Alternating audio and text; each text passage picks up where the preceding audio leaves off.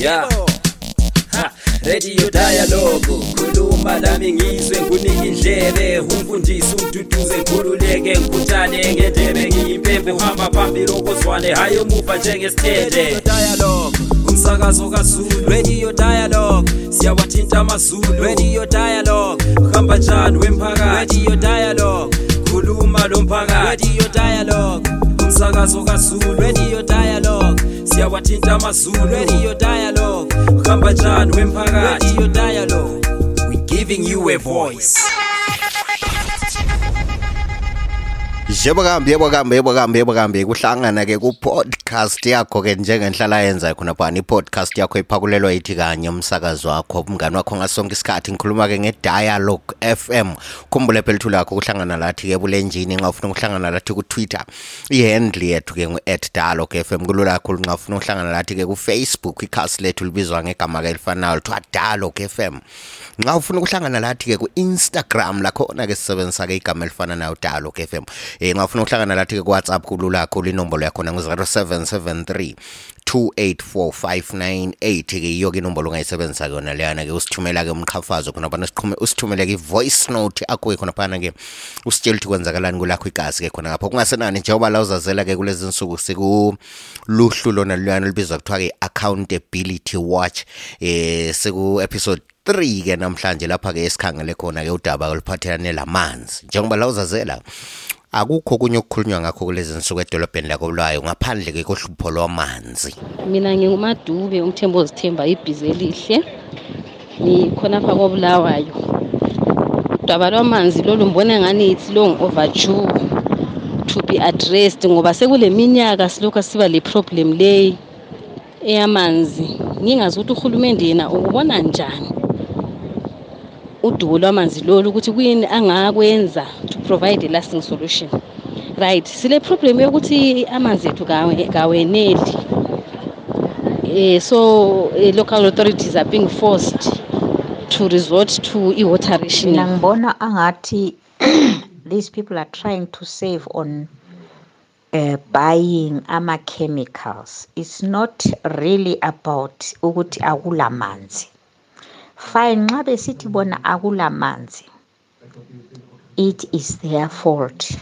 Ngoba amadamu lawana kuyabe kumele ukuthi basikuphe inhlabathi ephakathi eyiyona ebangela ukuthi amanzi engabi maningi. So by now this is the time they were supposed to be doing this. As soon as the rains stop they should try to remove i-river sand. I'm not well versed ngendaba zona lezo but i think that's my suspicion Eh salibonani. Okay mina ngisakamuzi senketa. Enketa 8 ngapha. Eh indaba yamanzi ithwalise nzima abantu abaningi. Ithwalise nzima wonke nje umuntu kobulawayo. Amanzi abantu abasakwazi ukuthi abuya nini.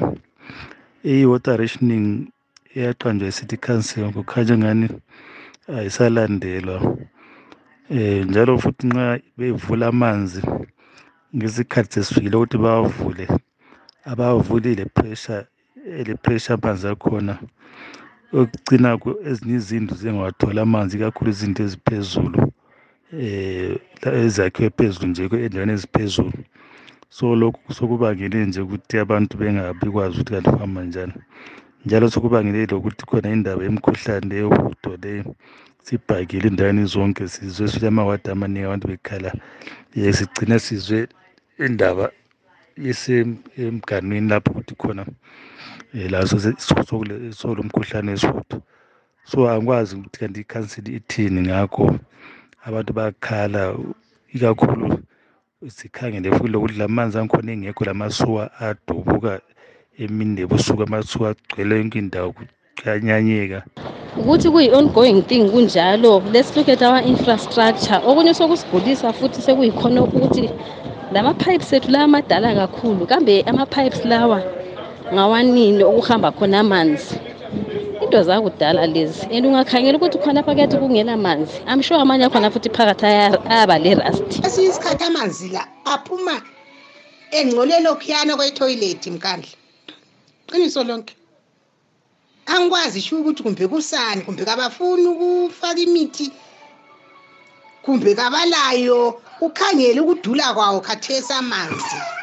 Ah amanzi sedula shu ubulawa city council uzakhumbula ukuthi wanika abantu ke ishejuli ke khona phana wathi ngesikhathi esithile kamanzi azabe ngekho azabe buya ngesikhathi esithile. Kodwa-ke uzulu uyakhonona ke laphana abantu bathi-ke ukhansila akayilandele ke ishedule yakhe yona leyana-ke uyathola-ke ngezinye izikhathi ngamanye amalanga kumele ukuthi ngamanzi abe khona-ke wathole ngekho kathi-ke uhlupho lungabe lungaphi? Konke khona khalo uphakulelwe-ke idalo ke fm umngani wakho ngasonke isikhathi ungakhohlwa 0773284598 ngalo ufuna usithumela-ke imessage ke khonaphana usitshela ukuthi kwenzakalani kulakho lokitsha athina amanzi ke khona ngapho kuhlupha. Siqhubela phambili-ke nge-podcast yakho-ke lapho esikhangele khona-ke uhlupho lwamanzi edolobheni lakobulawayo. Ah indaba yamanzi leyi sihluphile indaba yamanzi sihluphile. Amanzi abuye engcolile.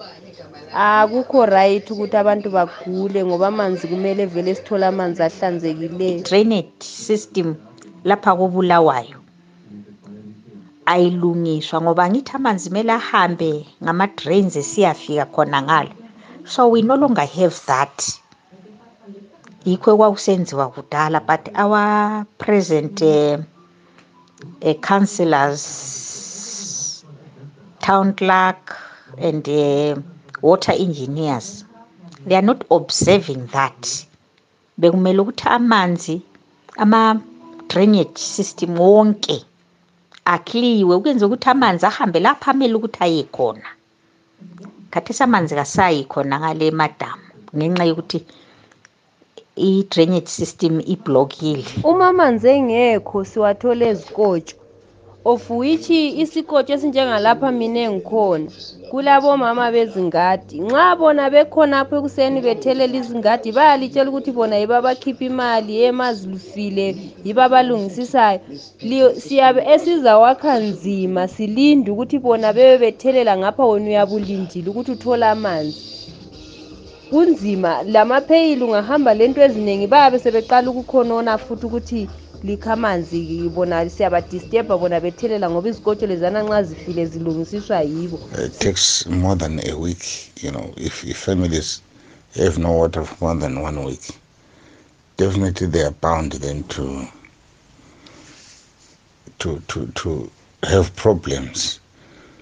For example, uh, in the toilets, washing their hands, washing the, the utensils, cooking and so forth. So so hygiene there is, is compromised and and, and definitely you then uh, start uh, having these problems of, of, of diarrhea. And then you also have situations where sewers just burst just like that because I think there is no liquid to push uh, that stuff, to liquidify that stuff so that it moves in the pipes.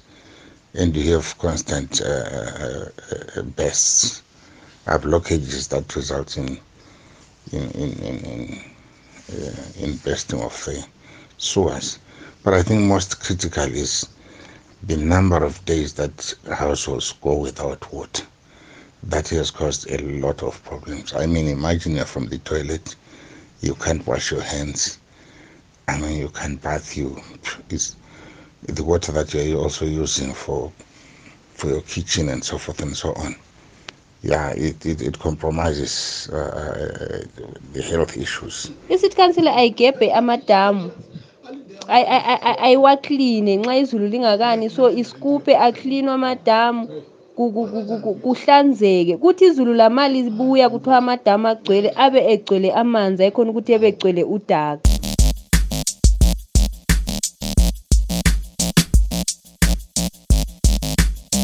Sure. Yeah.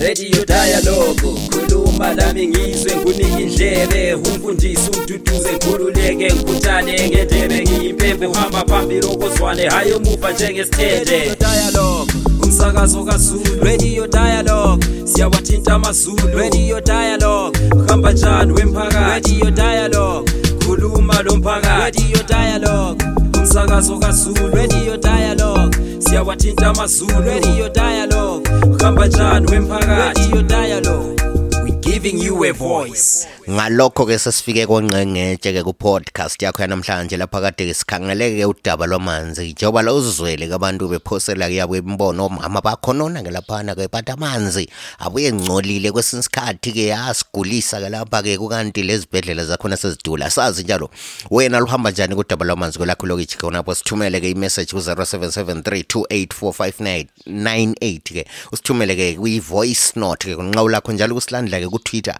ihandle yethu ngu@dialog FM lakho njalo kusilandla ke ku Facebook ikhasi lethu libizwa ke ngegama elifananayo ke udialog FM lakho njalo kusilandela ku Instagram sisebenzisa ke igama elifananayo ngalokho ke sesifike ke la esiphela khona ke kuhlelo lwakho lwanamhlanje ku episode 3 sesizobe sihlangana njalo ke ku episode 4 we accountability watch iphakulelwa yithi kanye dialog FM